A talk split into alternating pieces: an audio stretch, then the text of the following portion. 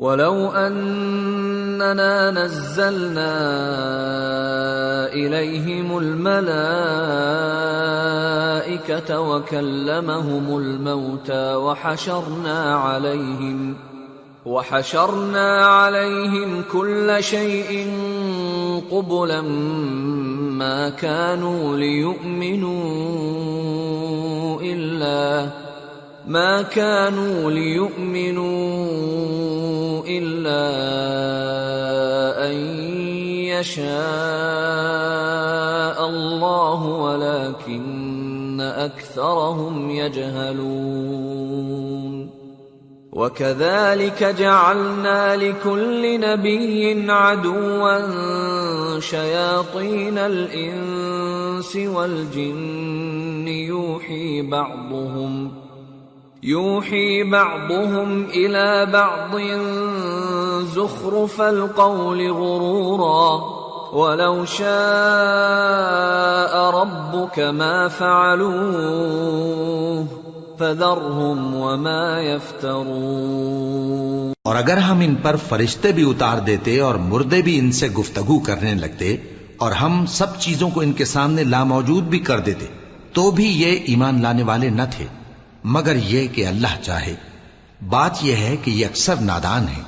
اور اسی طرح ہم نے شیطان سیرت انسانوں اور جنوں کو ہر پیغمبر کا دشمن بنا دیا تھا۔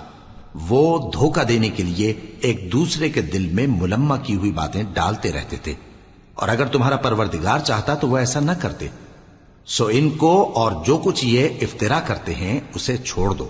ولتصغى اليه افئده الذين لا يؤمنون بالاخره وليرضوه وليقترفوا وليقترفوا ما هم مقترفون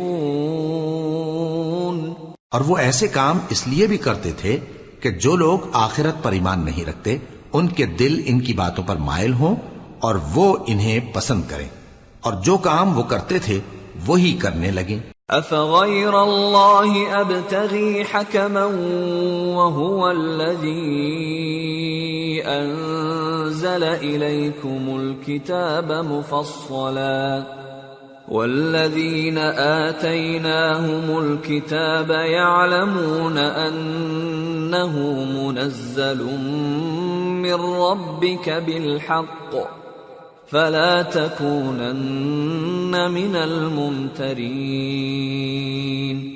وتمت كلمة ربك صدقا وعدلا. لا مبدل لكلماته وهو السميع العليم. کہو، کیا میں اللہ کے سوا اور منصف تلاش کروں؟ حالانکہ اس نے تمہاری طرف صاف مضامین والی کتاب بھیجی ہے۔ اور جن لوگوں کو ہم نے کتاب یعنی تورات دی ہے، وہ جانتے ہیں کہ یہ تمہارے پروردگار کی طرف سے برحق نازل ہوئی ہے۔ سو تم ہرگز شک کرنے والوں میں نہ ہونا۔ اور تمہارے پروردگار کی باتیں سچائی اور انصاف میں پوری ہیں۔ اس کی باتوں کو کوئی بدلنے والا نہیں۔ اور وہ سنتا ہے، جانتا ہے۔ وَإِن تُطِعْ أَكْثَرَ مَن فِي الْأَرْضِ يُضِلُّوكَ عَن سَبِيلِ اللَّهِ إِن يَتَّبِعُونَ إِلَّا الظَّنَّ وَإِنْ هُمْ إِلَّا يَخْرُصُونَ إِنَّ رَبَّكَ هُوَ أَعْلَمُ مَن يَضِلُّ عَن سَبِيلِهِ وَهُوَ أَعْلَمُ بِالْمُهْتَدِينَ. اور اکثر لوگ جو زمین پر آباد ہیں گمراہ ہیں۔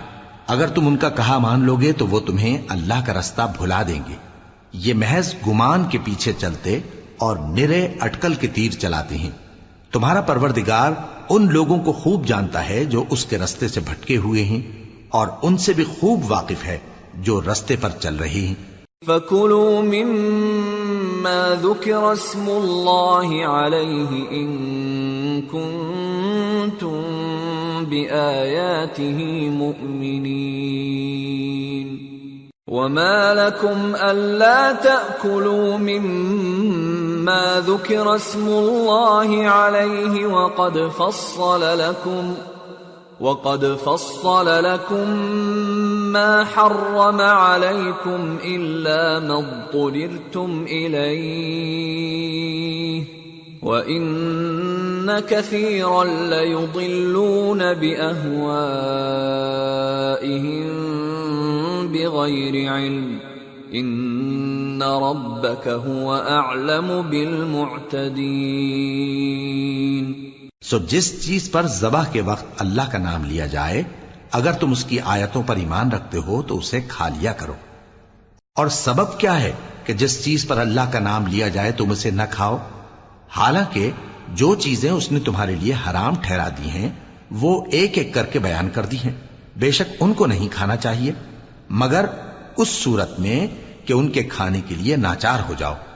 اور بہت سے لوگ بے سمجھے بوجھے اپنے نفس کی خواہشوں سے لوگوں کو بہکا رہے ہیں۔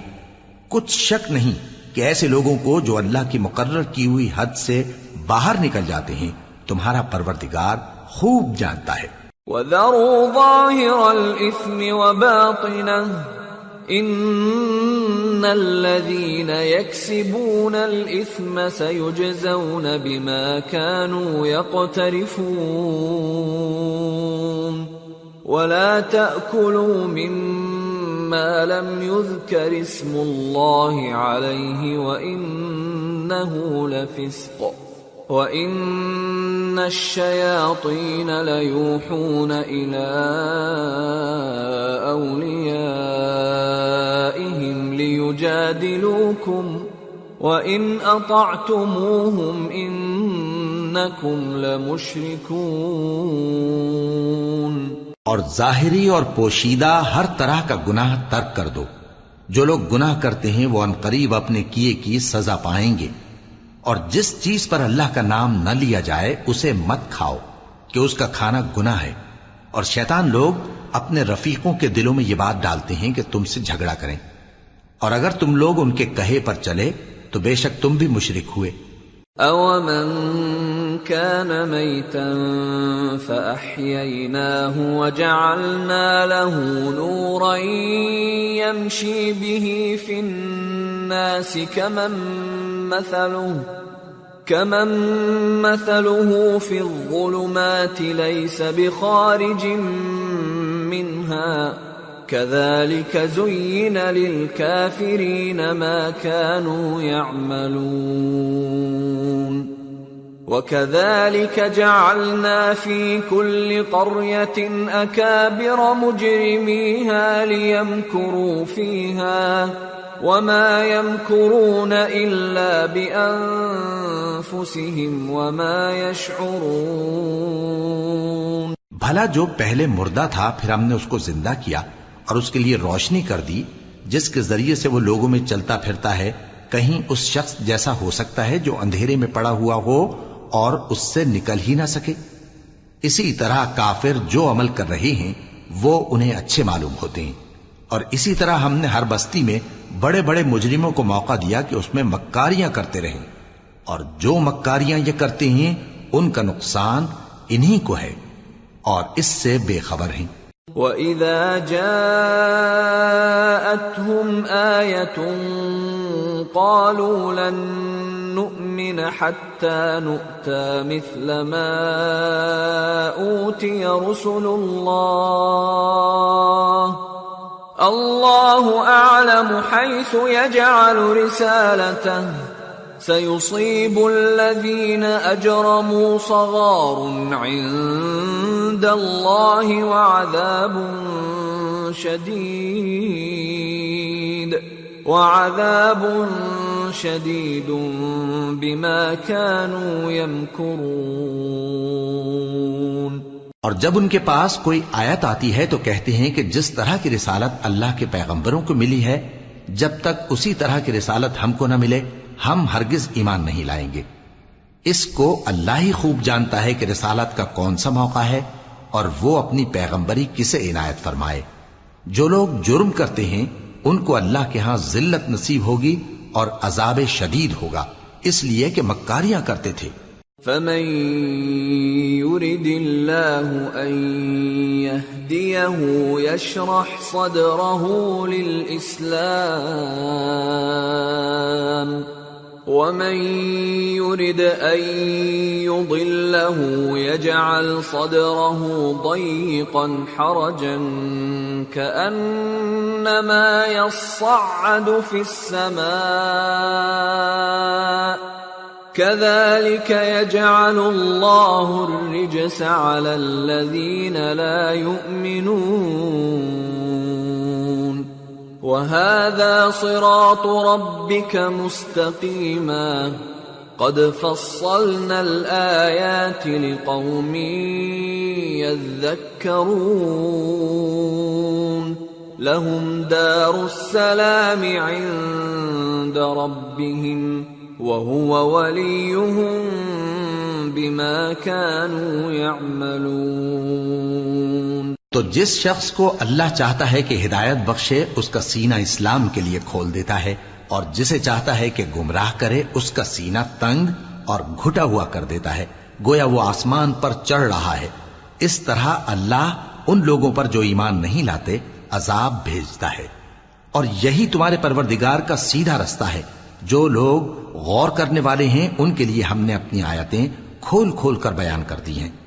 ان کے لیے ان کے اعمال کے سلے میں پروردگار کے ہاں سلامتی کا گھر ہے اور وہی ان کا دوست ہے۔ وَيَوْمَ يَحْشُرُهُمْ جَمِيعًا يَا مَعْشَرَ الْجِنِّ قَدِ اسْتَكْثَرْتُمْ مِنَ الْإِنسِ وَقَالَ أَوْلِيَاؤُهُمْ مِنَ الْإِنسِ رَبَّنَا اسْتَمْتَعَ بَعْضُنَا بِبَعْضٍ وَبَلَغْنَا وَبَلَغْنَا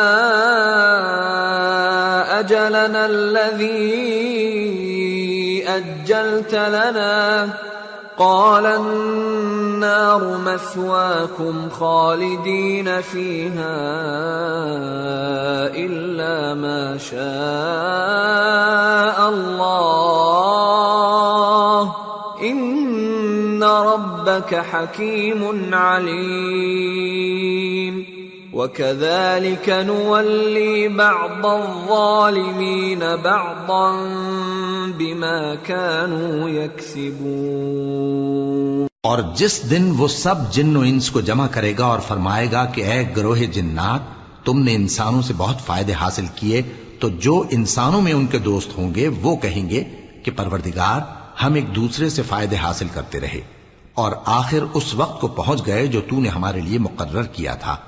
اللہ فرمائے گا، اب تمہارا ٹھکانہ دوزخ ہے، ہمیشہ اس میں جلتے رہو گے، مگر جو اللہ چاہے۔ بے شک تمہارا پروردگار دانا ہے، خبردار ہے۔ اور اسی طرح ہم ظالموں کو ان کے اعمال کے سبب جو وہ کرتے تھے، ایک دوسرے کے قریب کر دیں گے۔ يا معشر الجن والإنس ألم يأتكم رسل منكم يقصون عليكم آياتي يقصون عليكم آياتي وينذرونكم لقاء يومكم هذا. قالوا شهدنا على أنفسنا وغرتهم الحياة الدنيا وشهدوا على أنفسهم وشهدوا على أنفسهم أنهم كانوا كافرين. ذلك أن لم يكن ربك مهلك القرى بظلم وأهلها غافلون.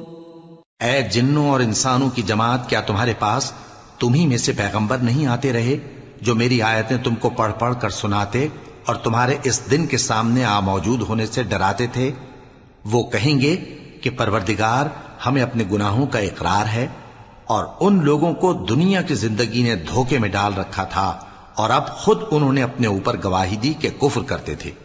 اے نبی، یہ جو پیغمبر آتے رہے اور کتابیں نازل ہوتی رہیں تو اس لیے کہ تمہارا پروردگار ایسا نہیں کہ بستیوں کو ظلم سے ہلاک کر دے اور وہاں کے رہنے والوں کو کچھ بھی خبر نہ ہو ولكل درجات مما عملوا وما ربك بغافل عما يعملون وربك الغني ذو الرحمه إن يشأ يذهبكم ويستخلف من بعدكم ما يشاء كما أنشأكم كما أنشأكم من ذرية قوم آخرين.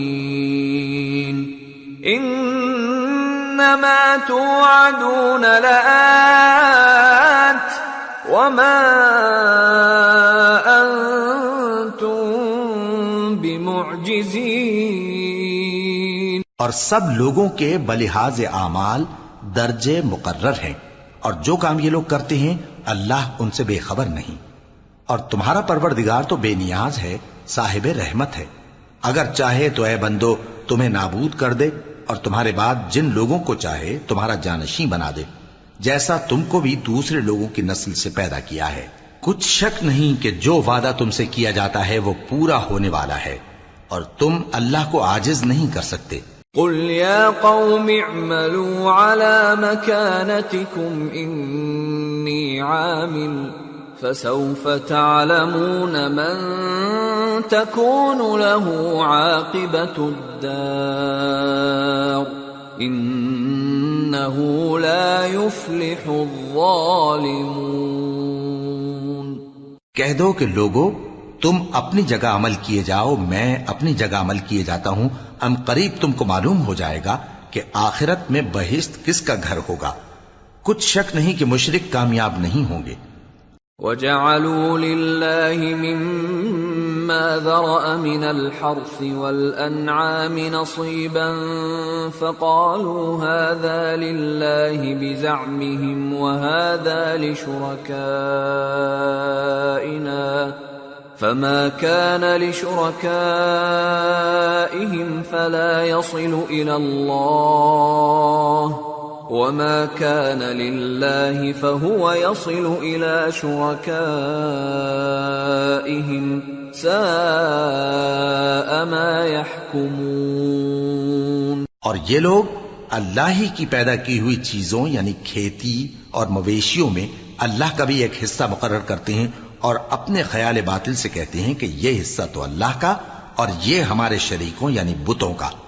تو جو حصہ ان کے شریکوں کا ہوتا ہے وہ تو اللہ کی طرف نہیں جا سکتا اور جو حصہ اللہ کا ہوتا ہے، وہ ان کے شریکوں کی طرف جا سکتا ہے۔ کیا برا حکم لگاتے ہیں؟ وكذلك زين لكثير من المشركين قتل أولادهم شركاؤهم ليردوهم ليردوهم وليلبسوا عليهم دينهم ولو شاء الله ما فعلوه فذرهم وما يفترون اسی طرح بہت سے مشرکوں کو ان کے شریکوں یعنی شیطانوں نے ان کے بچوں کو جان سے مار ڈالنا اچھا کر دکھایا ہے تاکہ انہیں ہلاکت میں ڈال دیں اور ان کے دین کو ان پر خلط ملط کر دیں۔ اور اگر اللہ چاہتا تو وہ ایسا نہ کرتے۔ سو ان کو چھوڑ دو کہ وہ جانے اور ان کا جھوٹ۔ وقالوا هذه انعام وحرث حجر لا يطعمها الا من نشاء بزعمهم وأنعام حرمت ظهورها وأنعام لا يذكرون اسم الله عليها افتراء عليه سيجزيهم بما كانوا يفترون اور اپنے خیال سے یہ بھی کہتے ہیں کہ یہ مویشی اور کھیتی منع ہے اسے اس شخص کے سوا جسے ہم چاہیں کوئی نہ کھائے۔ اور بعض مویشی ایسے ہیں کہ ان کی پیٹھ پر چڑھنا منع کر دیا گیا ہے۔ اور بعض مویشی ایسے ہیں جن پر ذبح کرتے وقت اللہ کا نام نہیں لیتے۔ یہ سب اللہ پر جھوٹ ہے۔ وہ ان قریب ان کو ان کے جھوٹ کا بدلہ دے گا۔ وقالوا ما في بطون هذه الأنعام خالصة لذكورنا ومحرم على أزواجنا. وإن يكن ميتة فهم فيه شركاء. سيجزيهم وصفهم إنه حكيم عليم. اور یہ بھی کہتے ہیں کہ جو بچہ ان مویشیوں کے پیٹ میں ہے، وہ صرف ہمارے مردوں کے لیے ہے اور ہماری عورتوں کو اس کا کھانا حرام ہے۔ اور اگر وہ بچہ مرا ہوا ہو، تو سب اس میں شریک ہیں۔ یعنی اسے مرد اور عورتیں سب کھائیں۔ ان قریب اللہ انہیں ان کی اس تجویز پر سزا دے گا۔ بے شک وہ حکمت والا ہے، خبردار ہے۔ قد خسر الذين قتلوا أولادهم سفها بغير علم وحرموا وحرموا ما رزقهم الله افتراء على الله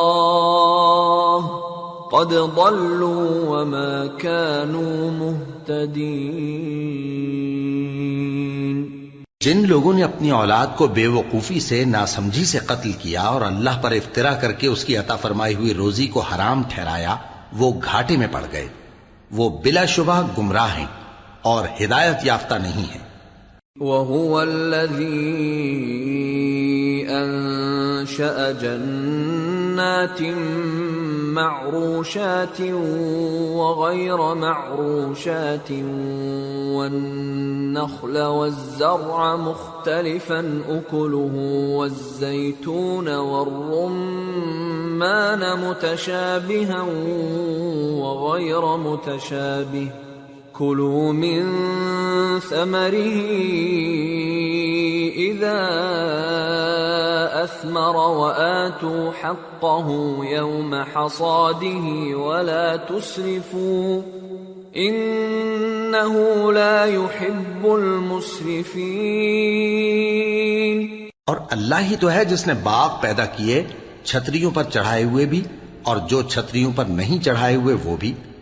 اور کھجور اور کھیتی، جن کے طرح طرح کے پھل ہوتے ہیں، اور زیتون اور انار جو بعض باتوں میں ایک دوسرے سے ملتے جلتے ہیں اور بعض باتوں میں نہیں بھی ملتے۔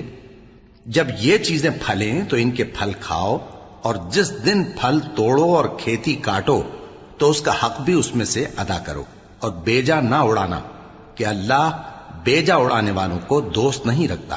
ومن الأنعام حمولة وفرشا كلوا مما رزقكم الله ولا تتبعوا خطوات الشيطان إنه لكم عدو مبين اور مویشیوں میں بوجھ اٹھانے والے یعنی بڑے بڑے بھی پیدا کیے اور زمین سے لگے ہوئے یعنی چھوٹے چھوٹے بھی بس اللہ کا دیا ہوا رزق کھاؤ اور شیطان کے قدموں پر نہ چلو۔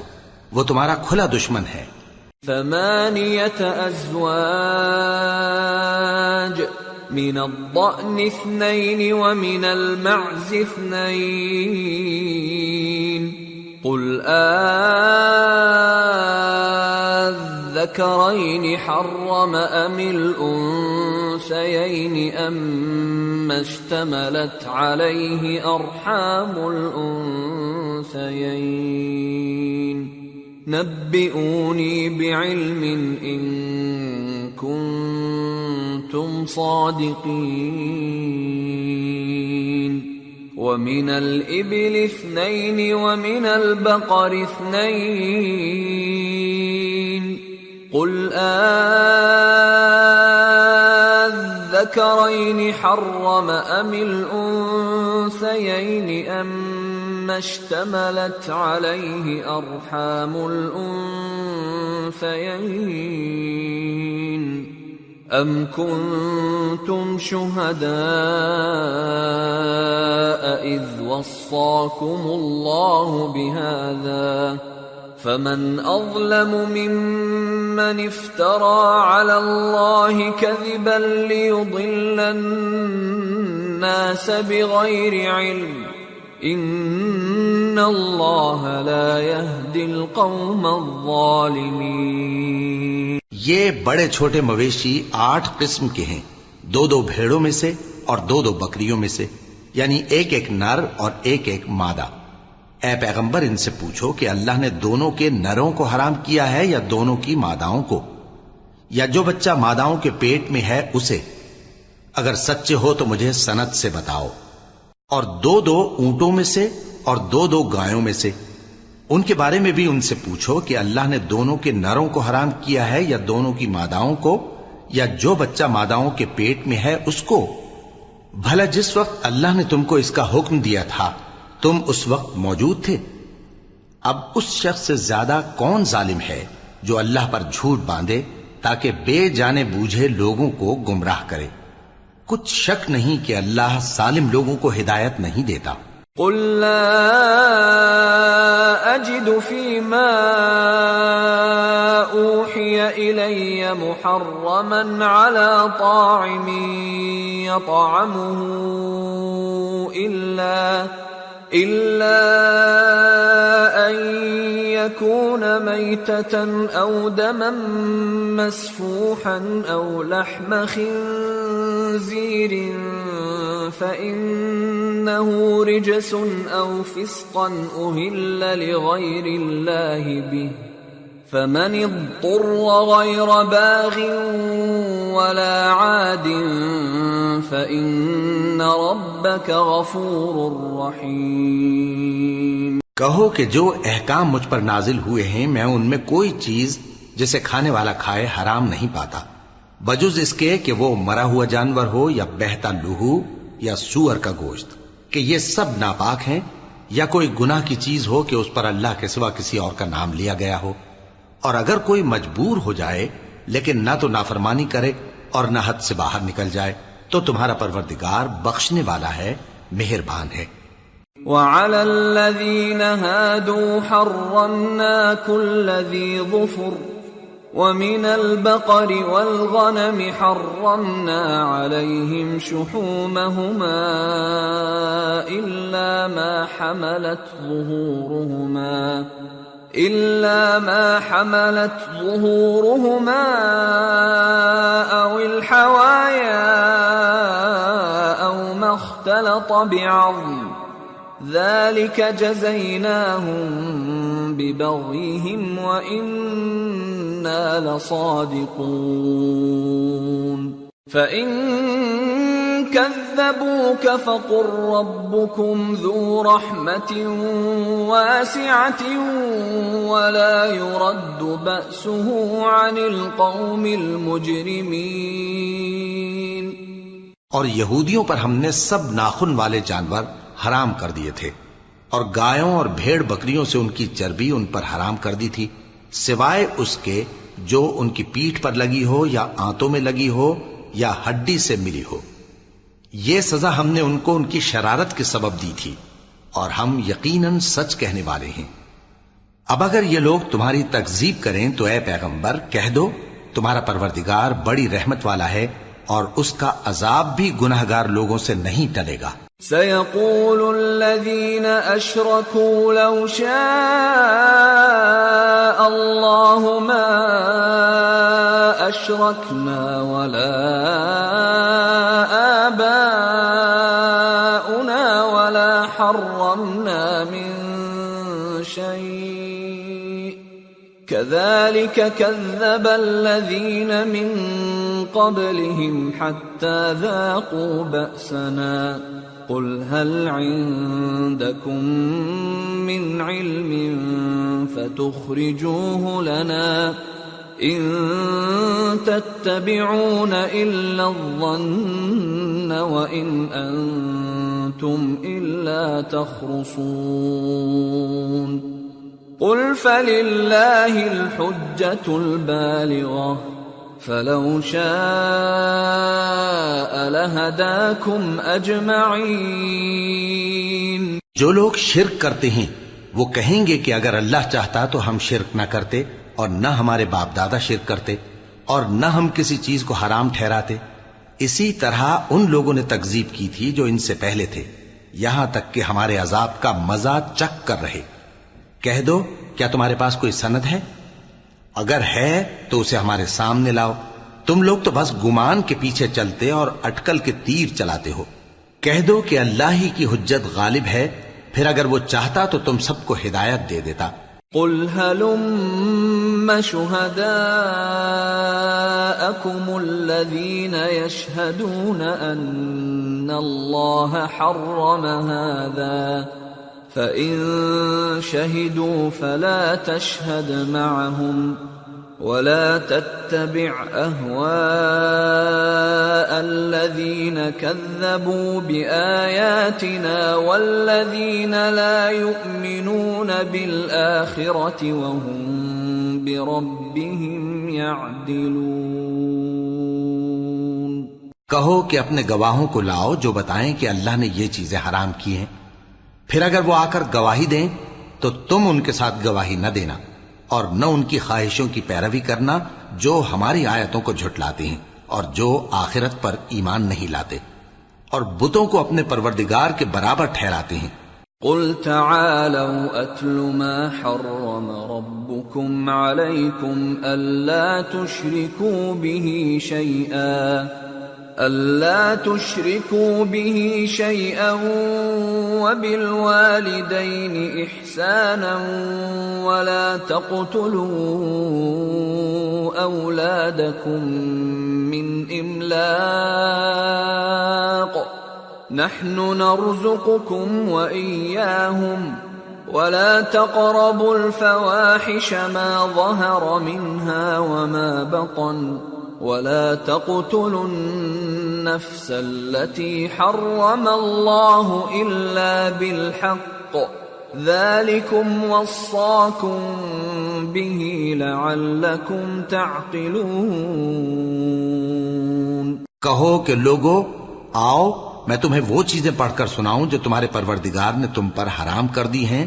ان کی نسبت اس نے اس طرح ارشاد فرمایا ہے کہ کسی چیز کو اللہ کا شریک نہ بنانا اور ماں باپ سے بد سلوکی نہ کرنا، بلکہ حسن سلوک کرتے رہنا اور ناداری کے اندیشے سے اپنی اولاد کو قتل نہ کرنا، کیونکہ تم کو اور ان کو ہم ہی رزق دیتے ہیں اور بے حیائی کے کام ظاہر ہوں یا پوشیدہ، ان کے پاس نہ پھٹکنا۔ اور کسی شخص کو جس کے قتل کو اللہ نے حرام کر دیا ہے، قتل نہ کرنا۔ مگر جائز طور پر یعنی جس کا شریعت حکم دے۔ ان باتوں کی وہ تمہیں تاکید کرتا ہے تاکہ تم سمجھو ولا تقربوا مال اليتيم إلا بالتي هي أحسن حتى يبلغ أشده وأوفوا الكيل والميزان بالقسط لا نكلف نفسا إلا وسعها وَإِذَا قُلْتُمْ فَاعْدِلُوا وَلَوْ كَانَ ذَا قُرْبَى وَبِعَهْدِ اللَّهِ أَوْفُوا ذَلِكُمْ وَصَّاكُمْ بِهِ لَعَلَّكُمْ تَذَكَّرُونَ وَأَنَّ هَذَا صِرَاطِي مُسْتَقِيمًا فَاتَّبِعُوهُ فاتبعوه ولا تتبعوا السبل فتفرق بكم عن سبيله ذلكم وصاكم به لعلكم تتقون اور یتیم کے مال کے پاس بھی نہ جانا، مگر ایسے طریق سے کہ بہت ہی پسندیدہ ہو۔ یہاں تک کہ وہ جوانی کو پہنچ جائے اور ناپ اور تول انصاف کے ساتھ پوری پوری کیا کرو۔ ہم کسی کو ذمہ دار نہیں بناتے مگر اس کی طاقت کے مطابق۔ اور جب کسی کی نسبت کوئی بات کہو تو انصاف سے کہو۔ گو کہ وہ تمہارا رشتہ دار ہی ہو۔ اور اللہ کے عہد کو پورا کرو۔ ان باتوں کا اللہ تمہیں حکم دیتا ہے تاکہ تم نصیحت قبول کرو۔ اور یہ کہ میرا سیدھا رستہ یہی ہے، تو تم اسی پر چلنا اور دوسرے رستوں پر نہ چلنا کہ ان پر چل کر اللہ کے رستے سے الگ ہو جاؤ گے۔ ان باتوں کا اللہ تمہیں حکم دیتا ہے تاکہ تم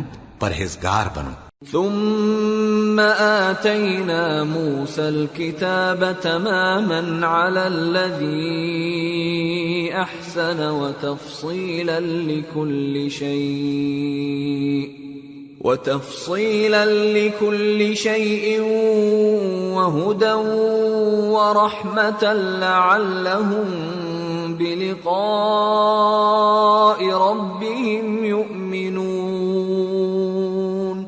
ہاں پھر سن لو کہ ہم نے موسا کو کتاب عنایت کی تھی تاکہ ہم ان لوگوں پر جو نیکوکار ہیں نعمت پوری کر دیں۔ اور اس میں ہر چیز کا بیان ہے اور ہدایت ہے اور رحمت ہے تاکہ ان کی امت کے لوگ اپنے پروردگار کے روبرو حاضر ہونے کا یقین کریں۔ وهذا كتاب أنزلناه مبارك فاتبعوه واتقوا لعلكم ترحمون أن تقولوا إنما الكتاب على طائفتين من قبلنا وإن كنا عن دراستهم لغافلين. أو تقولوا لو أنا أنزل علينا الكتاب لكنا أهدى منهم فقد جاءكم بينة من ربكم وهدى ورحمة فمن أظلم ممن كذب بآيات الله وصدف عنها سنجزي الذين يصدفون عن آياتنا سوء العذاب بما كانوا يصدفون. اور اے کفر کرنے والو، یہ کتاب بھی ہم ہی نے اتاری ہے، برکت والی، تو اس کی پیروی کرو اور اللہ سے ڈرو تاکہ تم پر مہربانی کی جائے۔ اور اس لیے اتاری ہے کہ تم یوں نہ کہو کہ ہم سے پہلے دو ہی گروہوں پر کتابیں اتری ہیں اور ہم ان کے پڑھنے سے بے خبر تھے۔ یا یہ نہ کہو کہ اگر ہم پر بھی کتاب نازل ہوتی تو ہم ان لوگوں کی نسبت کہیں سیدھے رستے پر ہوتے۔ سو اب تو تمہارے پاس تمہارے پروردگار کی طرف سے دلیل اور ہدایت اور رحمت آ گئی ہے۔ تو اس سے بڑھ کر ظالم کون ہوگا جو اللہ کی آیتوں کی تکذیب کرے اور ان سے لوگوں کو پھیرے؟ جو لوگ ہماری آیتوں سے پھیرتے ہیں، اس پھیرنے کے سبب ہم ان کو برے عذاب کی سزا دیں گے۔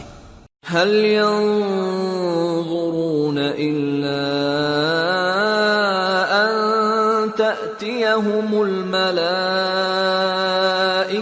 أو يأتي ربك أو يأتي بعض آيات ربك يوم يأتي بعض آيات ربك لا ينفع نفسا إيمانها لم تكن آمنت من قبل أو كسبت في إيمانها خيرا قل انتظروا إنا منتظرون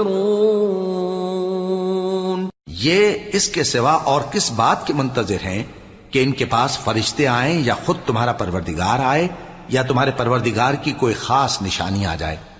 جس روز تمہارے پروردگار کی خاص نشانی آ جائے گی، تو جو شخص پہلے ایمان نہیں لایا ہوگا، اس وقت اسے ایمان لانا کچھ فائدہ نہیں دے گا۔ یا جس نے اپنے ایمان کی حالت میں نیک عمل نہیں کیے ہوں گے، تو گناہوں سے توبہ کرنا مفید نہ ہوگا۔ اے پیغمبر ان سے کہہ دو کہ تم بھی انتظار کرو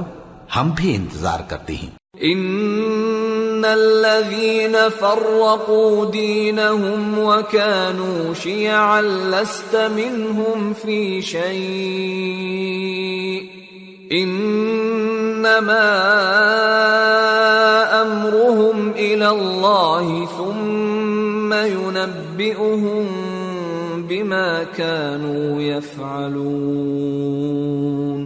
من جاء بالحسنة فله عشر أمثالها ومن جاء بالسيئة فلا يجزى إلا مثلها وهم لا يظلمون. جن لوگوں نے اپنے دین کے حصے بکھرے کر لیے اور خود بھی کئی کئی فرقے ہو گئے، ان سے تم کو کچھ کام نہیں۔ ان کا کام اللہ کے حوالے۔ پھر جو جو کچھ وہ کرتے رہے ہیں، وہ ان کو سب بتائے گا۔ جو کوئی اللہ کے حضور نیکی لے کر آئے گا، تو اس کو ویسی دس نیکیاں ملیں گی، اور جو برائی لائے گا، تو اسے سزا اس جیسی ہی ملے گی۔ اور ان پر ظلم نہیں کیا جائے گا۔ قل اننی هدانی ربی إلى صراط مستقیم دینا قیما ملت ابراہیم حنیفا وما كان من المشركين. قل إن صلاتي ونسكي ومحياي ومماتي لله رب العالمين. لا شريك له، وبذلك امرت وانا اول المسلمين. کہہ دو کہ مجھے میرے پروردگار نے سیدھا رستہ دکھا دیا ہے یعنی دین صحیح، طریقہ ابراہیم کا، جو ایک اللہ ہی کے ہو رہے تھے اور مشرکوں میں سے نہ تھے۔ یہ بھی کہہ دو کہ میری نماز اور میری قربانی اور میرا جینا اور میرا مرنا سب اللہ رب العالمین ہی کے لیے ہے۔ جس کا کوئی شریک نہیں اور مجھ کو اسی بات کا حکم ملا ہے اور میں سب سے اول فرما بردار ہوں۔ قل اغير الله ابغي ربا وهو رب كل شيء ولا تكسب كل نفس الا عليها ولا تزر وازرة وزر أخرى. ثم إلى ربكم مرجعكم فينبئكم بما كنتم فيه تختلفون. وهو الذي جعلكم خلائف الأرض ورفع بعضكم فوق بعض درجات ليبلوكم ليبلوكم فيما آتاكم ان ربك سريع العقاب وانه لغفور رحيم کہو، کیا میں اللہ کے سوا کوئی اور آقا تلاش کروں؟ جبکہ وہی تو ہر چیز کا مالک ہے۔ اور جو کوئی برا کام کرتا ہے تو اس کا ضرر اسی کو ہوتا ہے۔ اور کوئی شخص کسی دوسرے کے گناہ کا بوجھ نہیں اٹھائے گا۔ پھر تم سب کو اپنے پروردگار کی طرف لوٹ کر جانا ہے۔ تو جن جن باتوں میں تم اختلاف کیا کرتے تھے، وہ تم کو بتائے گا۔ اور وہی تو ہے جس نے زمین میں تم کو اپنا نائب بنایا اور ایک کے دوسرے پر درجے بلند کیے تاکہ جو کچھ اس نے تمہیں بخشا ہے، اس میں تمہاری آزمائش کرے۔ بے شک تمہارا پروردگار جلد عذاب دینے والا ہے اور بے شک وہ بخشنے والا ہے، مہربان بھی ہے۔ سورة الأعراف۔ بسم اللہ الرحمن الرحیم ألف لام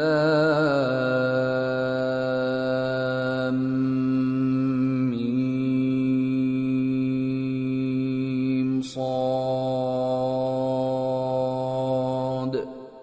كتاب أنزل إليك فلا يكن في صدرك حرج منه لتنذر به وذكرى للمؤمنين. اتبعوا ما أنزل إليكم من ربكم ولا تتبعوا من دونه أولياء.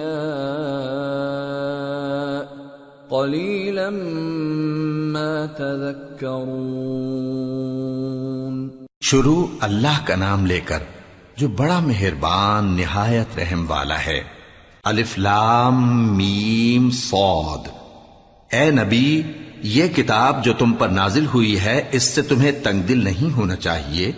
یہ نازل اس لیے ہوئی ہے کہ تم اس کے ذریعے سے لوگوں کو ڈر سناؤ، اور یہ ایمان والوں کے لیے نصیحت ہے۔ لوگوں جو کتاب تم پر تمہارے پروردگار کے ہاں سے نازل ہوئی ہے، اس کی پیروی کرو۔ اور اس کے سوا اور رفیقوں کی پیروی نہ کرو، اور تم کم ہی نصیحت قبول کرتے ہو۔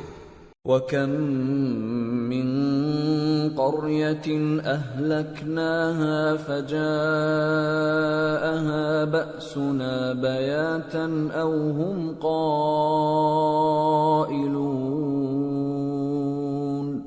فَمَا كَانَ دَعْوَاهُمْ إِذْ جَاءَهُم بَأْسُنَا إِلَّا أَن قالوا إلا أن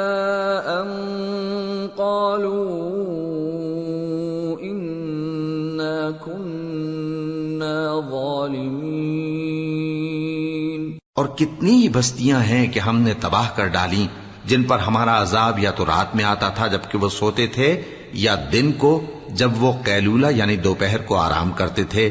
تو جس وقت ان پر عذاب آتا تھا، ان کے منہ سے یہی نکلتا تھا کہ ہائے، ہم اپنے اوپر ظلم کرتے رہے۔ فَلَنَسْأَلَنَّ الَّذِينَ أُرْسِلَ إِلَيْهِمْ وَلَنَسْأَلَنَّ الْمُرْسَلِينَ فَلَنَقُصَّنَّ عَلَيْهِمْ بِعِلْمٍ وَمَا كُنَّا غَائِبِينَ والوزن يومئذ الحق فمن ثقلت موازينه فأولئك هم المفلحون. ومن خفت موازينه فأولئك الذين خسروا أنفسهم بما كانوا بآياتنا يظلمون. ولقد مكناكم في الأرض وجعلنا لكم فيها معايش قليلا ما تشكرون تو جن لوگوں کی طرف پیغمبر بھیجے گئے، ہم ان سے بھی پرسش کریں گے اور پیغمبروں سے بھی پوچھیں گے۔ پھر اپنے علم سے ان کے حالات بیان کریں گے اور ہم کہیں غائب تو نہیں تھے۔ اور اس روز اعمال کا تلنا برحق ہے، تو جن لوگوں کی تولیں بھاری ہوں گی، وہ تو کامیاب ہیں، اور جن کی تولیں ہلکی ہوں گی، تو یہی لوگ ہیں جنہوں نے اپنے آپ کو خسارے میں ڈالا۔ اس لیے کہ ہماری آیتوں کے بارے میں بے انصافی کرتے تھے۔ اور ہم ہی نے زمین میں تمہارا ٹھکانہ بنایا، اور اس میں تمہارے لیے اسباب معیشت پیدا کیے، مگر تم کم ہی شکر کرتے ہو۔ وَلَقَدْ خَلَقْنَاكُمْ ثُمَّ صَوَّرْنَاكُمْ ثُمَّ قُلْنَا لِلْمَلَائِكَةِ اسْجُدُوا لِآدَمَ فَسَجَدُوا فَسَجَدُوا إِلَّا إِبْلِيسَ لَمْ يَكُنْ مِنَ السَّاجِدِينَ. قال ما منعك ألا تسجد إذ أمرتك؟ قال أنا خير منه خلقتني من نار وخلقته من طين. قال فاهبط منها فما يكون لك أن تتكبر فيها فاخرج إنك من الصاغرين. اور ہم ہی نے تم کو ابتدا میں مٹی سے پیدا کیا، پھر تمہاری شکل و صورت بنائی، پھر فرشتوں کو حکم دیا کہ آدم کے آگے سجدہ کرو۔ تو سب نے سجدہ کیا، لیکن ابلیس کہ وہ سجدہ کرنے والوں میں شامل نہ ہوا۔ اللہ نے فرمایا، جب میں نے تجھ کو بھی حکم دیا تھا تو کس چیز نے تجھے سجدہ کرنے سے باز رکھا؟ اس نے کہا کہ میں اس سے افضل ہوں۔ مجھے تو نے آگ سے پیدا کیا ہے اور اسے مٹی سے بنایا ہے۔ فرمایا، تو بہش سے اتر جا۔ تجھے شایا نہیں کہ یہاں تکبر کرے۔ پس نکل جا کہ تو ذلیل لوگوں میں سے ہے۔ قال انظرني مبعثون قال إنك من المنظرين. قال فبما أغويتني لأقعدن لهم صراطك المستقيم. ثم لآتينهم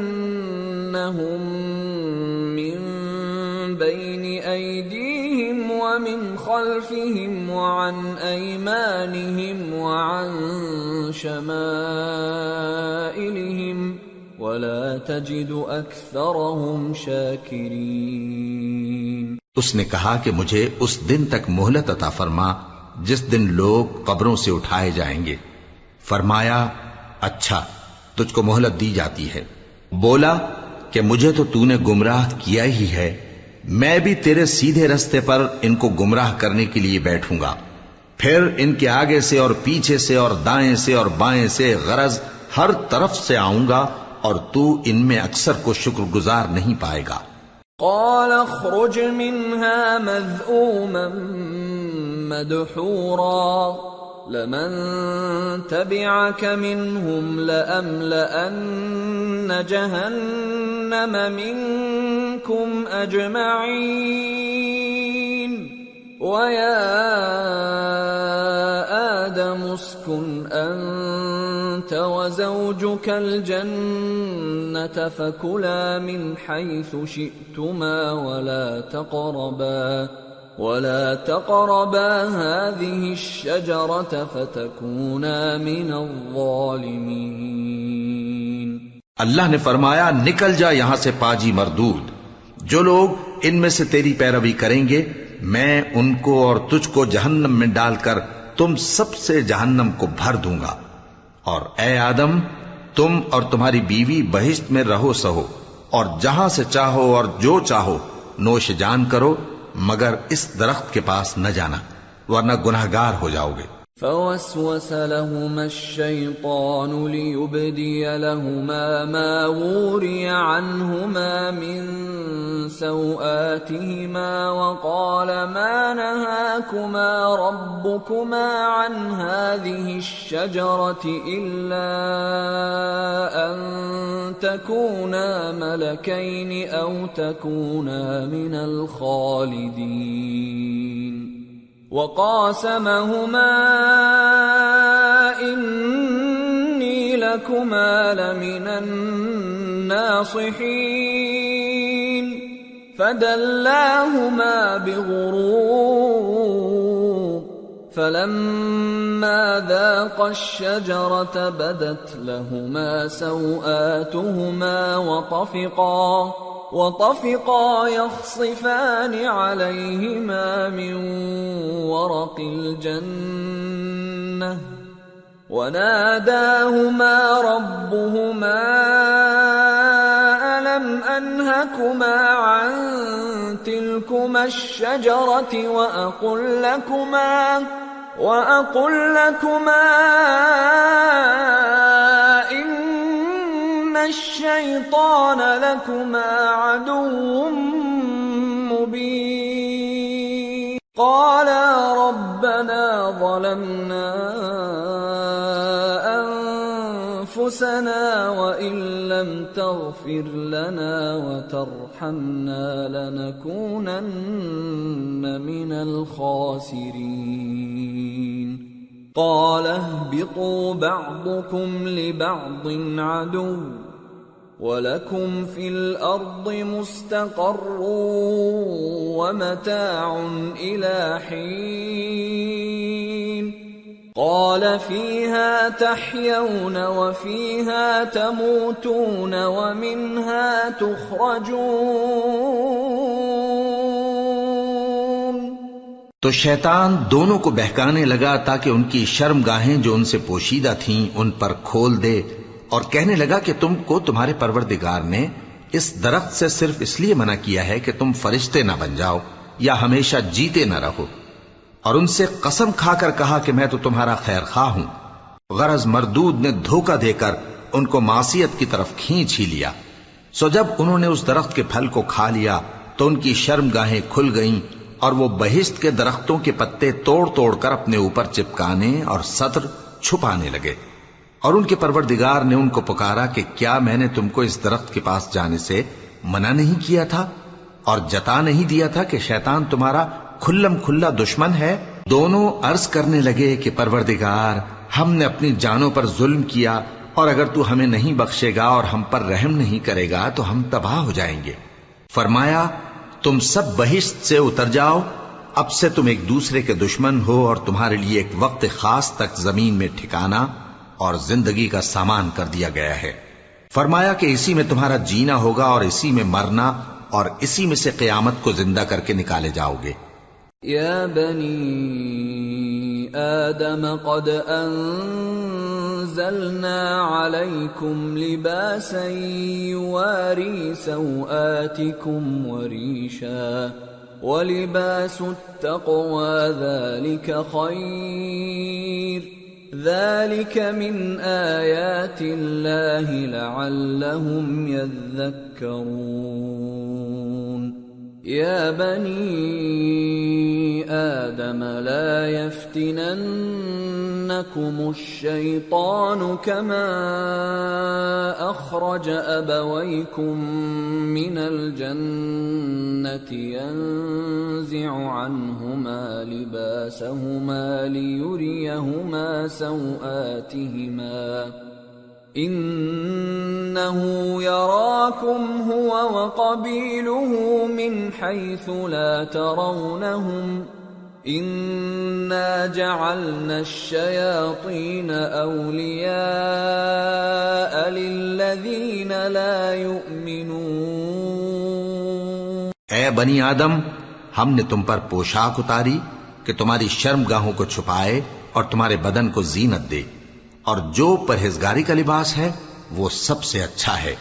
یہ اللہ کی نشانیاں ہیں تاکہ لوگ نصیحت حاصل کریں۔ اے بنی آدم دیکھنا کہیں شیطان تمہیں بہکا نہ دے۔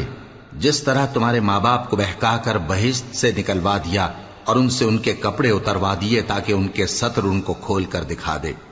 وہ اور اس کے بھائی بند تم کو ایسی جگہ سے دیکھتے رہتی ہیں جہاں سے تم ان کو نہیں دیکھ سکتے۔ ہم نے شیطانوں کو انہی لوگوں کا رفیق بنایا ہے جو ایمان نہیں رکھتے۔ وَإِذَا فَعَلُوا فَاحِشَةً قَالُوا وَجَدْنَا عَلَيْهَا آبَاءَنَا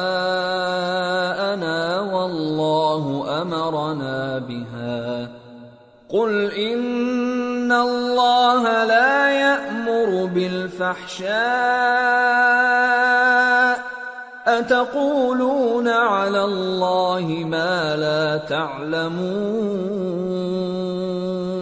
قُلْ أَمَرَ رَبِّي بِالْقِسْطِ وَأَقِيمُوا وُجُوهَكُمْ عِندَ كُلِّ مَسْجِدٍ وَادْعُوهُ مُخْلِصِينَ لَهُ الدِّينَ كَمَا بَدَأَكُمْ تَعُودُونَ فَرِيقًا هَدَى وَفَرِيقًا حَقَّ عَلَيْهِمُ الضَّلَالَةُ إِنَّهُمُ اتَّخَذُوا الشَّيَاطِينَ أَوْلِيَاءَ مِن دُونِ اللَّهِ وَيَحْسَبُونَ وَيَحْسَبُونَ أَنَّهُم مُهْتَدُونَ اور یہ لوگ جب کوئی بے حیائی کا کام کرتے ہیں تو کہتے ہیں کہ ہم نے اپنے بزرگوں کو اسی طرح کرتے دیکھا ہے اور اللہ نے بھی ہم کو یہی حکم دیا ہے۔ کہہ دو کہ اللہ بے حیائی کے کام کرنے کا تو حکم نہیں دیتا۔ کیا تم اللہ کی نسبت ایسی بات کہتے ہو جس کا تمہیں علم نہیں؟ کہہ دو کہ میرے پروردگار نے تو انصاف کرنے کا حکم دیا ہے۔ اور یہ کہ ہر نماز کے وقت سیدھا قبلے کی طرف رخ کیا کرو۔ اور صرف اسی کی عبادت کرو اور اسی کو پکارو۔ اس نے جس طرح تم کو ابتدا میں پیدا کیا تھا، اسی طرح تم پھر پیدا ہوگے۔ ایک فریق کو تو اس نے ہدایت دی اور ایک فریق پر گمراہی ثابت ہو چکی۔ ان لوگوں نے اللہ کو چھوڑ کر شیطانوں کو رفیق بنا لیا اور سمجھتے یہ ہیں کہ ہدایت یاب ہیں۔ يا بني آدم، خذوا زينتكم عند كل مسجد وكلوا واشربوا ولا تسرفوا إنه لا يحب المسرفين اے بنی آدم، ہر نماز کے وقت اپنے آپ کو مزین کیا کرو اور کھاؤ اور پیو اور بیجا نہ اڑاؤ کہ اللہ بیجا اڑانے والوں کو دوست نہیں رکھتا۔ قل من حرم زينة الله التي أخرج لعباده والطيبات من الرزق قل هي للذين آمنوا في الحياة الدنيا خالصة يوم القيامة كذلك نفصل الآيات لقوم يعلمون. پوچھو تو کہ جو زینت و آرائش اور کھانے پینے کی پاکیزہ چیزیں اللہ نے اپنے بندوں کے لیے پیدا کی ہیں، ان کو حرام کس نے کیا ہے؟ کہہ دو کہ یہ چیزیں دنیا کی زندگی میں بھی ایمان والوں کے لیے ہیں اور قیامت کے دن صرف انہی کا حصہ ہوں گی۔ اسی طرح اللہ اپنی آیتیں سمجھنے والوں کے لیے کھول کھول کر بیان فرماتا ہے۔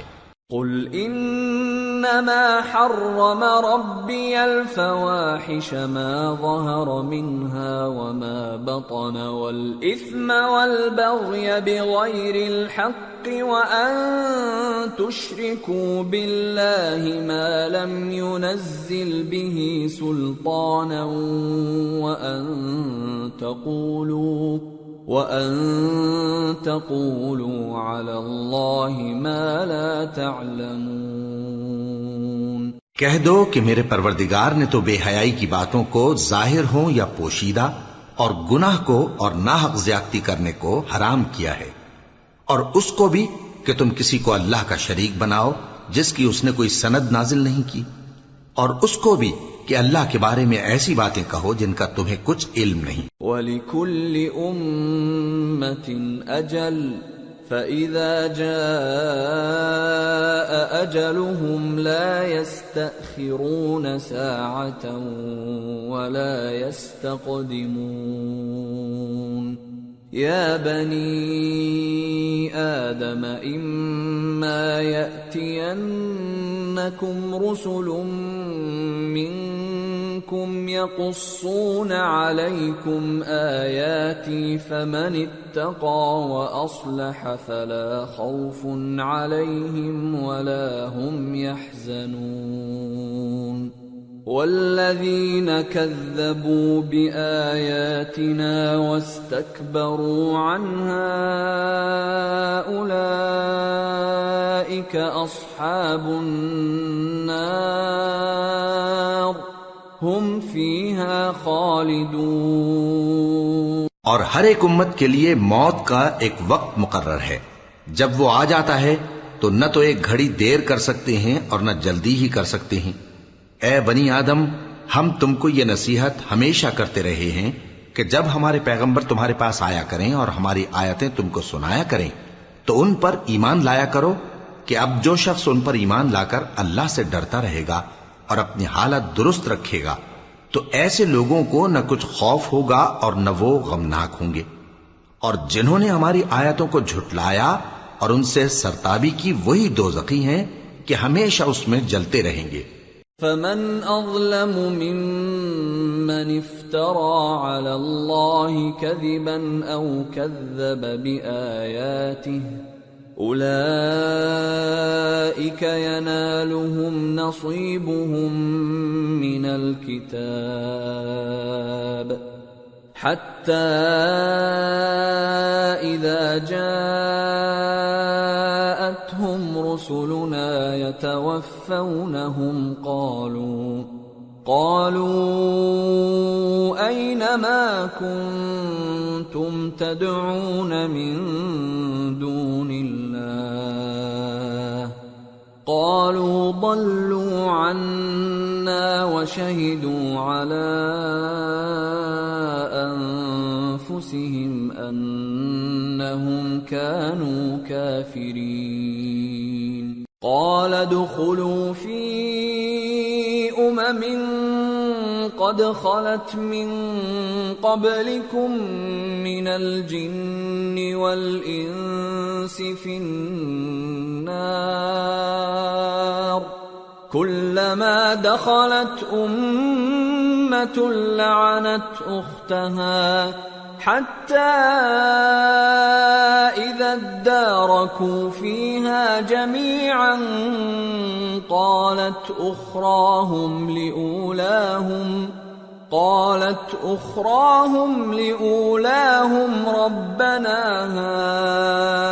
هؤلاء أضلونا فآتهم عذابا ضعفا من النار.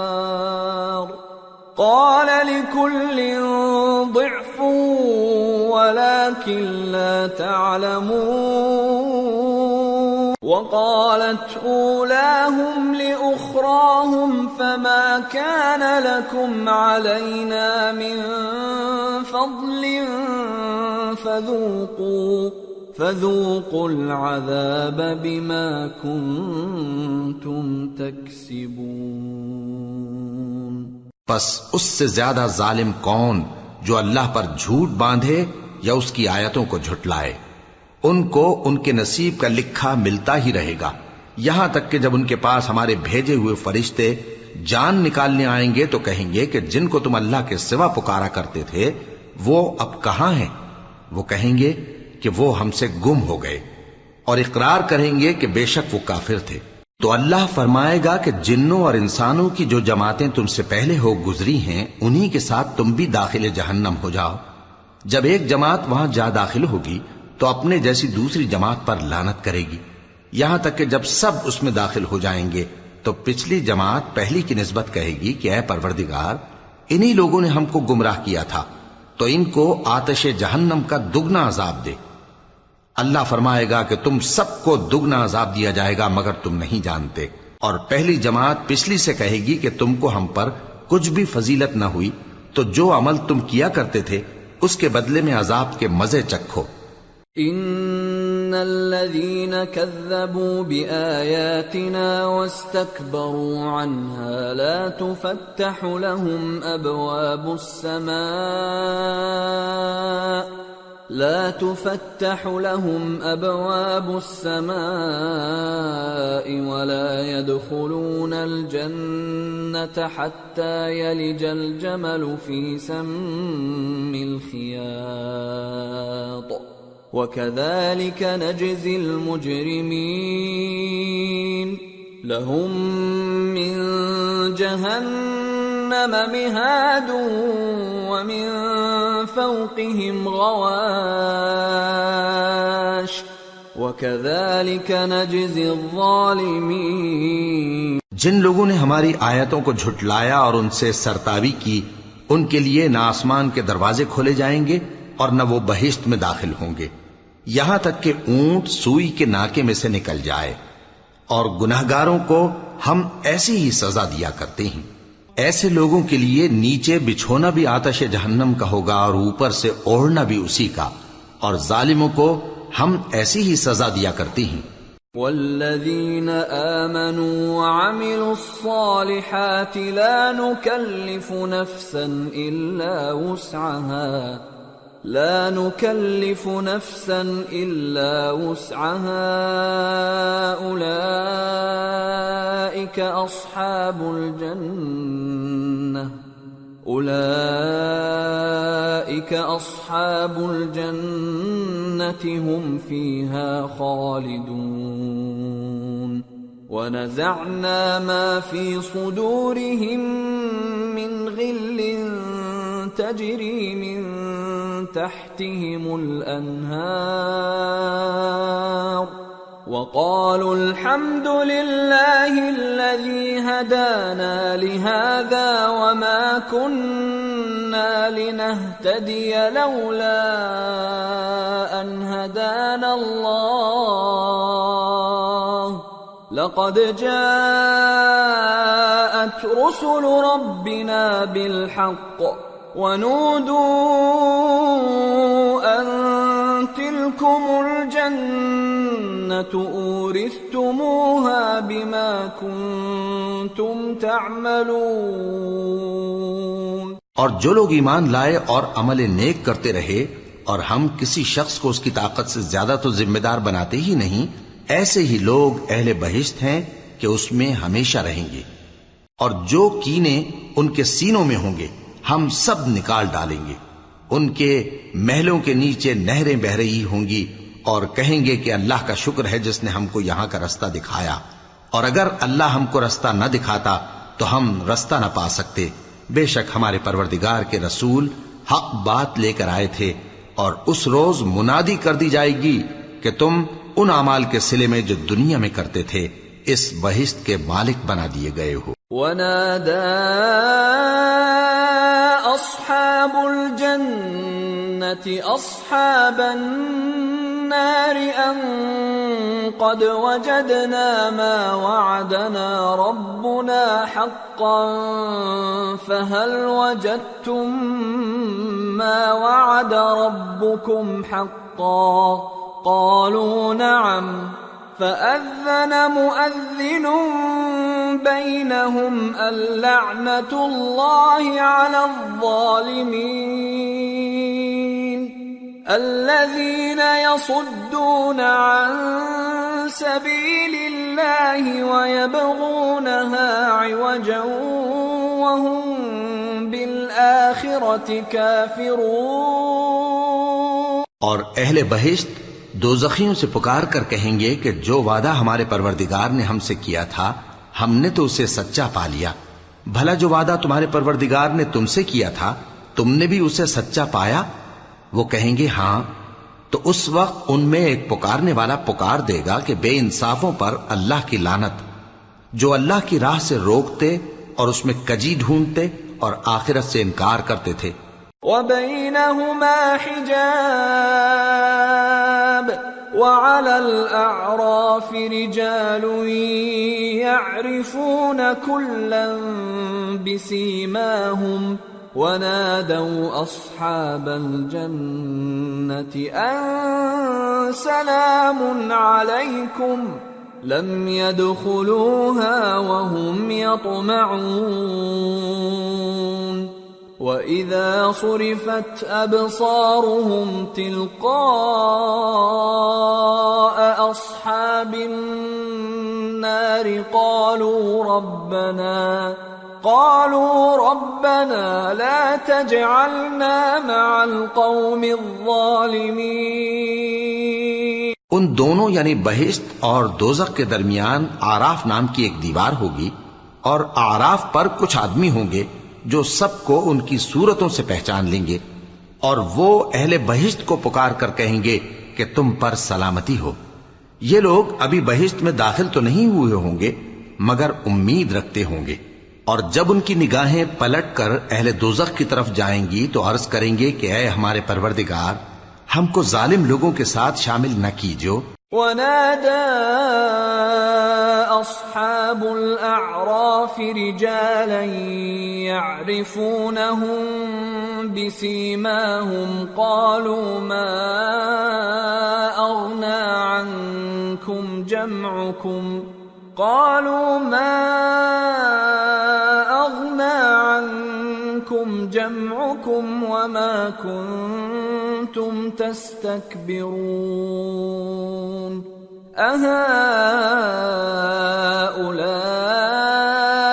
الذين أقسمتم لا ينالهم الله برحمة ادخلوا الجنة لا خوف عليكم ولا أنتم تحزنون اور اہل آراف کافر لوگوں کو جنہیں ان کی صورتوں سے شناخت کرتے ہوں گے پکاریں گے اور کہیں گے کہ آج نہ تو تمہاری جماعت ہی تمہارے کچھ کام آئی اور نہ تمہارا تکبر ہی سود مند ہوا۔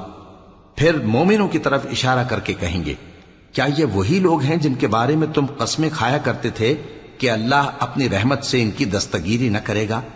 تو مومنو تم بہشت میں داخل ہو جاؤ، تمہیں کچھ خوف نہیں اور نہ تم کو کچھ رنج و غم ہوگا ونادى أصحاب النار أصحاب الجنة أن أفيضوا علينا من الماء أن أفيضوا علينا من الماء أو مما رزقكم الله قالوا إن الله حرمهما على الكافرين. الذين اتخذوا دينهم لهوا ولعبا وغرتهم الحياة الدنيا فاليوم ننساهم كما نسوا لقاء يومهم هذا وما كانوا بآياتنا يجحدون اور دو زخی بہشتیوں سے گڑ گڑا کر کہیں گے کہ کسی قدر ہم پر پانی بہاؤ یا جو رزق اللہ نے تمہیں عنایت فرمایا ہے، اس میں سے کچھ ہمیں بھی دو۔ وہ جواب دیں گے کہ اللہ نے یہ دونوں نعمتیں کافروں پر حرام کر دی ہیں، جنہوں نے اپنے دین کو تماشا اور کھیل بنا رکھا تھا اور دنیا کی زندگی نے ان کو دھوکے میں ڈال رکھا تھا۔ تو جس طرح یہ لوگ اپنے اس دن کے آنے کو بھولے ہوئے اور ہماری آیتوں سے منکر ہو رہے تھے، اسی طرح آج ہم بھی انہیں بھلا دیں گے۔ وَلَقَدْ جِئْنَاهُمْ بِكِتَابٍ فَصَّلْنَاهُ عَلَى عِلْمٍ هُدًى وَرَحْمَةً لِقَوْمٍ يُؤْمِنُونَ. هَلْ يَنظُرُونَ إِلَّا تَأْوِيلَهُ؟ يَوْمَ يَأْتِي تَأْوِيلُهُ يَقُولُ الَّذِينَ نَسُوهُ مِن قبل قد جاءت رسل ربنا بالحق فهل لنا فهل لنا من شفعاء فيشفعوا لنا أو نرد فنعمل غير الذي كنا نعمل؟ قد خسروا أنفسهم وضل عنهم ما كانوا يفترون. اور ہم نے ان کے پاس کتاب پہنچا دی ہے، جس کو علم دانش کے ساتھ کھول کھول کر بیان کر دیا ہے۔ اور وہ مومن لوگوں کے لیے ہدایت اور رحمت ہے۔ کیا یہ لوگ اس کے مضمون ظاہر ہونے کے منتظر ہیں؟ جس دن اس کا مضمون ظاہر ہو جائے گا تو جو لوگ اس کو پہلے سے بھولے ہوئے ہوں گے، وہ بول اٹھیں گے کہ بے شک ہمارے پروردگار کے رسول حق لے کر آئے تھے، بھلا آج ہمارے کوئی سفارشی ہیں کہ ہماری سفارش کریں، یا ہم دنیا میں پھر لوٹا دیے جائیں کہ جو عمل بد ہم پہلے کرتے تھے، وہ نہ کریں، بلکہ ان کے سوا دوسرے عمل کریں۔ بے شک ان لوگوں نے اپنا نقصان کیا اور جو کچھ یہ افطرا کیا کرتے تھے، ان سے سب جاتا رہا۔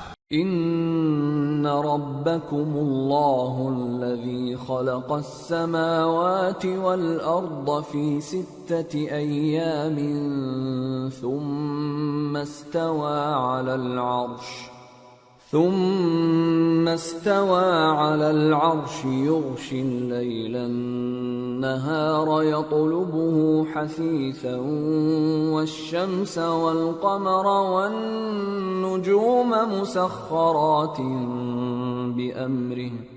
ألا له الخلق والأمر. تبارك الله رب العالمين.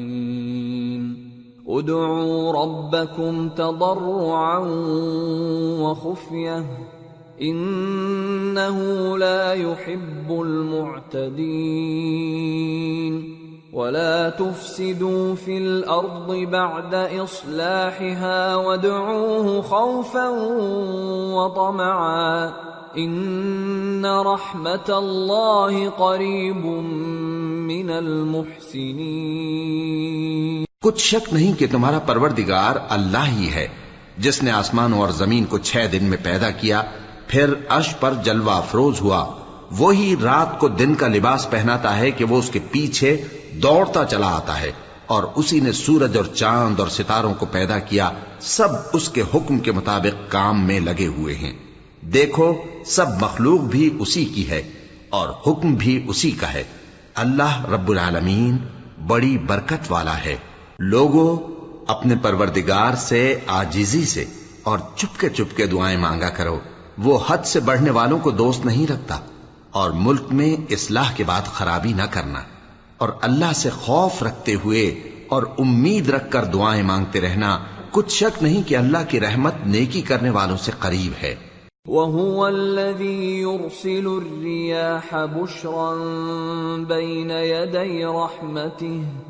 حتى إذا أقلت سحابا ثقالا سقناه لبلد ميت فأنزلنا فأنزلنا به الماء فأخرجنا به من كل الثمرات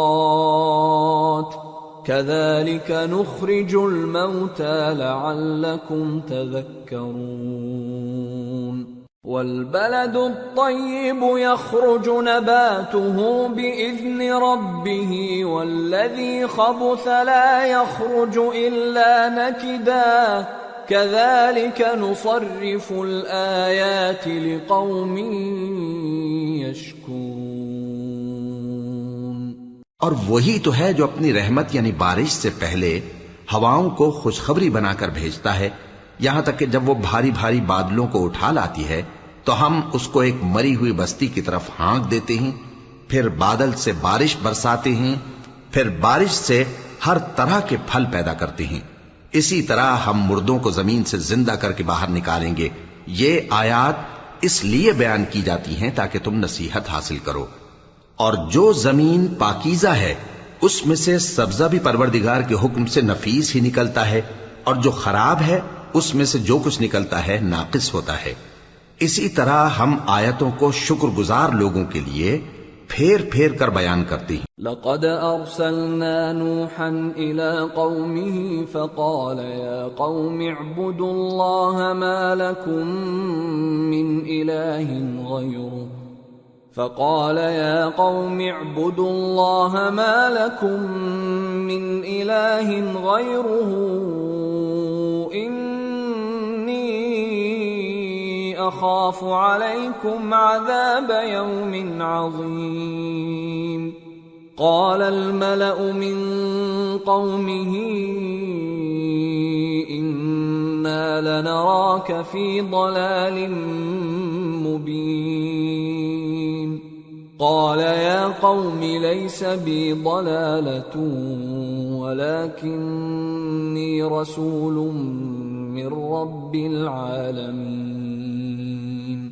أبلغكم رسالات ربي وأنصح لكم وأعلم من الله ما لا تعلمون ہم نے نوح کو ان کی قوم کی طرف بھیجا تو انہوں نے ان سے کہا، اے میری برادری کے لوگوں اللہ کی عبادت کرو، اس کے سوا تمہارا کوئی معبود نہیں۔ مجھے تمہارے بارے میں بڑے دن کے عذاب کا بہت ہی ڈر ہے۔ تو جو ان کی قوم میں سردار تھے، وہ کہنے لگے کہ ہم تمہیں کھلی گمراہی میں مبتلا دیکھتے ہیں۔ فرمایا، اے قوم، مجھ میں کسی طرح کی گمراہی نہیں ہے، بلکہ میں پروردگار عالم کا پیغمبر ہوں۔ تمہیں اپنے پروردگار کے پیغام پہنچاتا ہوں اور تمہاری خیر خواہی کرتا ہوں۔ اور مجھ کو اللہ کی طرف سے ایسی باتیں معلوم ہیں جن سے تم بے خبر ہو۔ أو عجبتم أن جاءكم ذكر من ربكم على رجل منكم لينذركم لينذركم ولتتقوا ولعلكم ترحمون.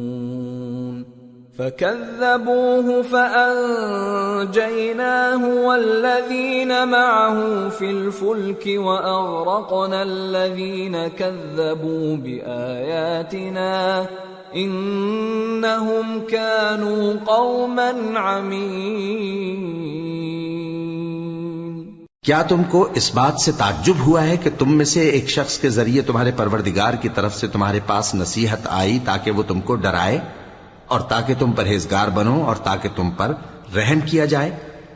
مگر ان لوگوں نے ان کی تکذیب کی تو ہم نے نوح کو اور جو ان کے ساتھ کشتی میں سوار تھے ان کو تو بچا لیا اور جن لوگوں نے ہماری آیتوں کو جھٹلایا تھا انہیں غرق کر دیا۔ کچھ شک نہیں کہ وہ عقل کے اندھے لوگ تھے۔ وَإِلَى عَادٍ أَخَاهُمْ هُودًا قَالَ يَا قَوْمِ اعْبُدُوا اللَّهَ مَا لَكُمْ مِنْ إِلَٰهٍ غَيْرُهُ أَفَلَا تَتَّقُونَ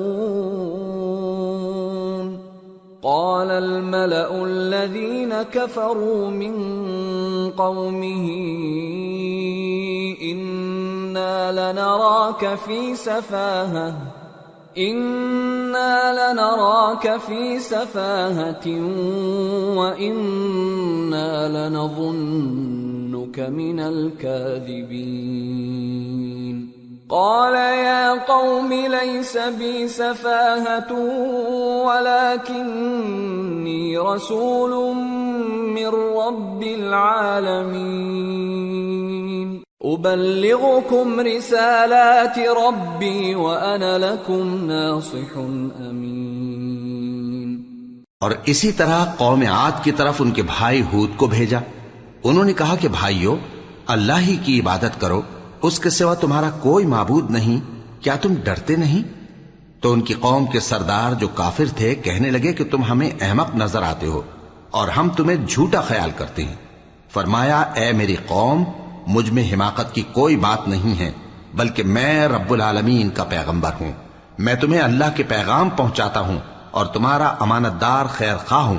أَوَعَجِبْتُمْ أَن جَاءَكُمْ ذِكْرٌ مِّن رَّبِّكُمْ عَلَىٰ رَجُلٍ مِّنكُمْ لِيُنذِرَكُمْ ۖ واذكروا إذ جعلكم خلفاء من بعد قوم نوح وزادكم في الخلق بسطة فاذكروا آلاء الله لعلكم تفلحون قالوا أجئتنا لنعبد الله وحده ونذر ما كان يعبد آباؤنا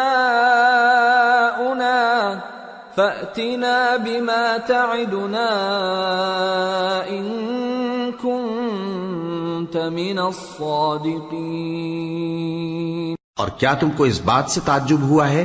کہ تم میں سے ایک شخص کے ذریعے تمہارے پروردگار کی طرف سے تمہارے پاس نصیحت آئی تاکہ وہ تمہیں ڈرائے اور یاد تو کرو، جب اس نے تم کو قوم نوح کے بعد جانشی بنایا اور تم کو پھیلاؤ زیادہ دیا، پس اللہ کی نعمتوں کو یاد کرو تاکہ کامیاب ہو جاؤ۔ وہ کہنے لگے، کیا تم ہمارے پاس اس لیے آئے ہو کہ ہم اکیلے اللہ ہی کی عبادت کریں اور جن کو ہمارے باپ دادا پوجتے چلے آئے ہیں ان کو چھوڑ دیں؟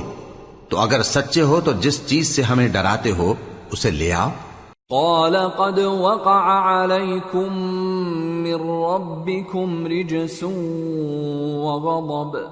أتجادلونني في أسماء سميتموها سميتموها أن أنتم وآباؤكم ما نزل الله بها من سلطان.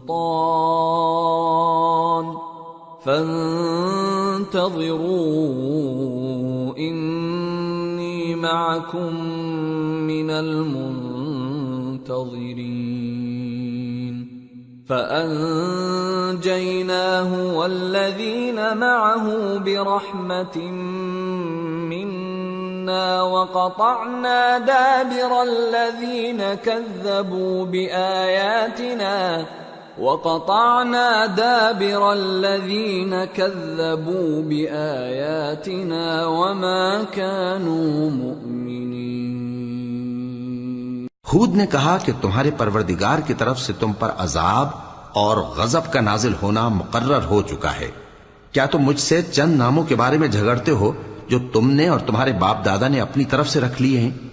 جن کی اللہ نے کوئی سند نازل نہیں کی، تو تم بھی انتظار کرو، میں بھی تمہارے ساتھ انتظار کرتا ہوں۔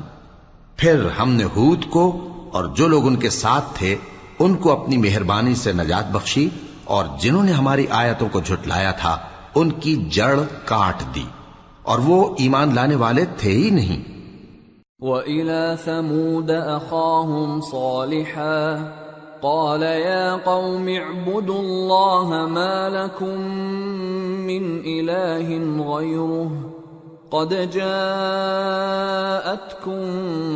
بَيِّنَةٌ مِّن رَّبِّكُمْ هَٰذِهِ نَاقَةُ اللَّهِ لَكُمْ آيَةً فذروها تأكل في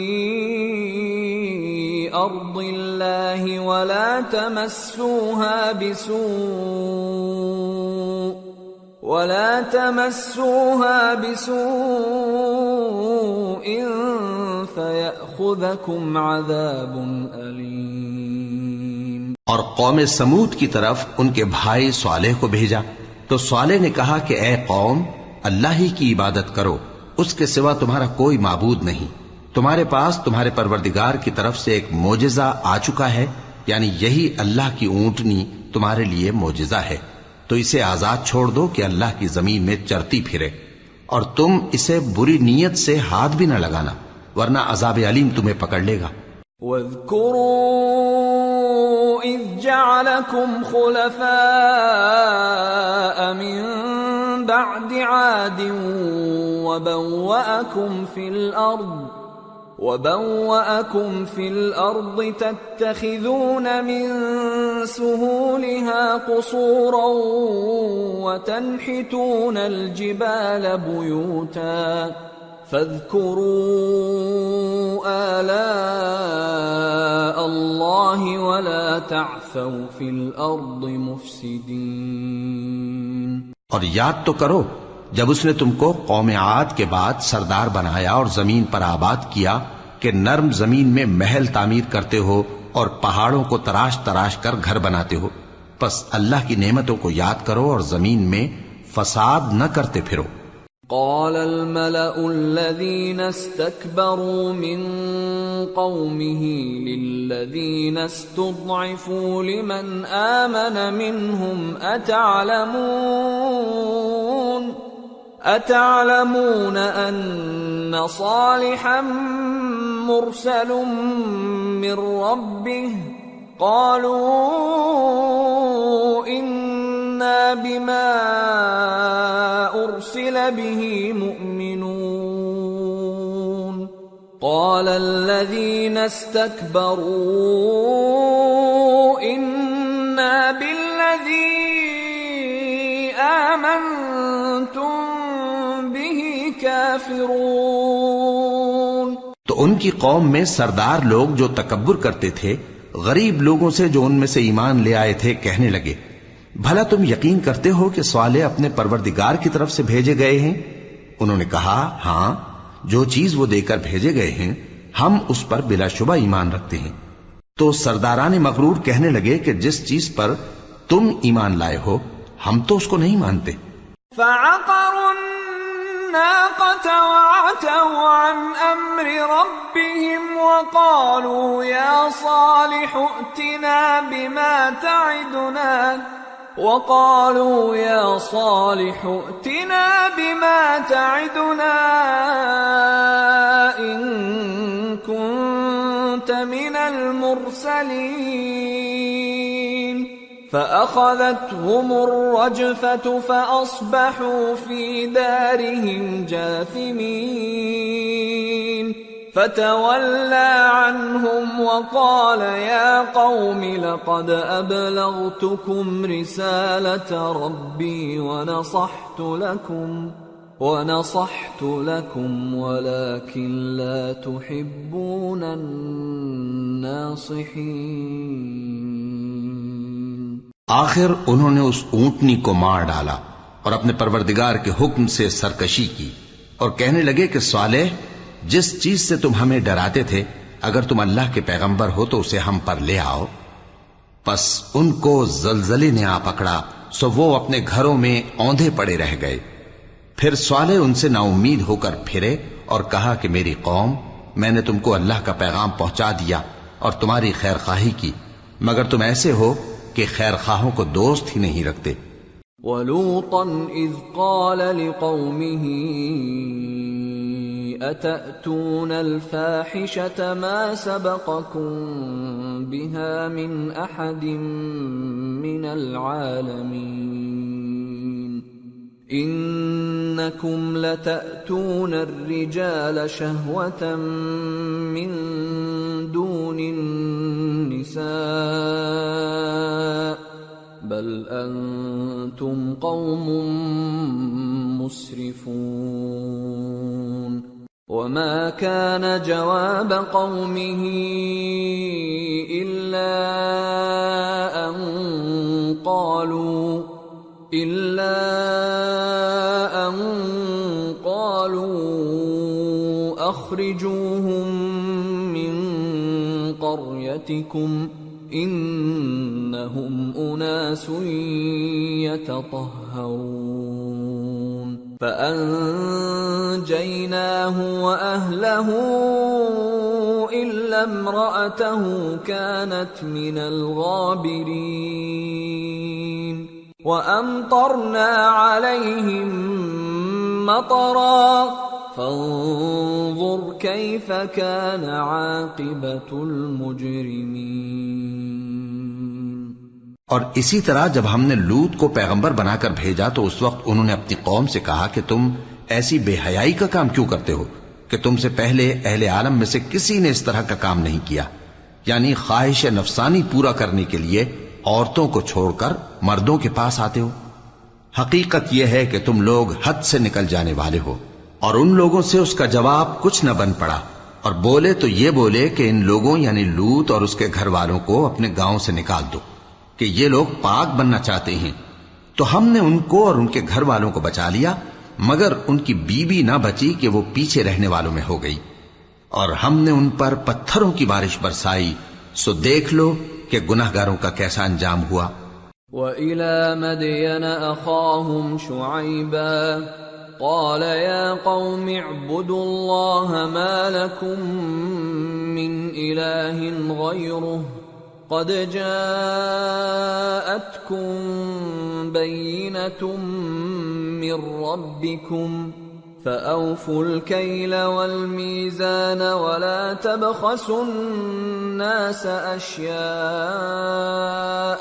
ولا تفسدوا في الأرض بعد إصلاحها ذلكم خير لكم إن كنتم مؤمنين ولا تقعدوا بكل صراط توعدون وتصدون عن سبيل الله من آمن به وتبغونها عوجا واذكروا إذ كنتم قليلا فكثركم وانظروا كيف كان عاقبة المفسدين. وإن كان طائفة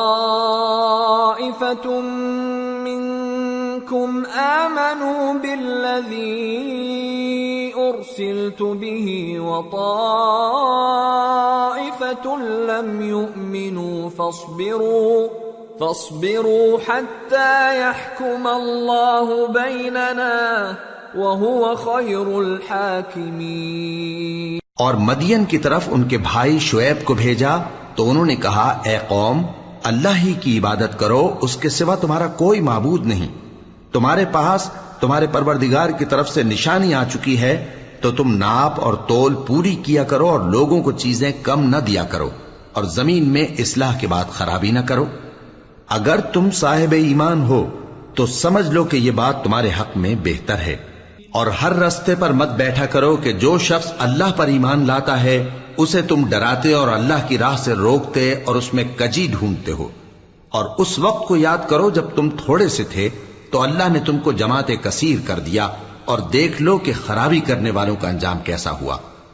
اور اگر تم میں سے ایک جماعت میری رسالت پر ایمان لے آئی ہے اور ایک جماعت ایمان نہیں لائی تو صبر کیے رہو، یہاں تک کہ اللہ ہمارے تمہارے درمیان فیصلہ کر دے اور وہ سب سے بہتر فیصلہ کرنے والا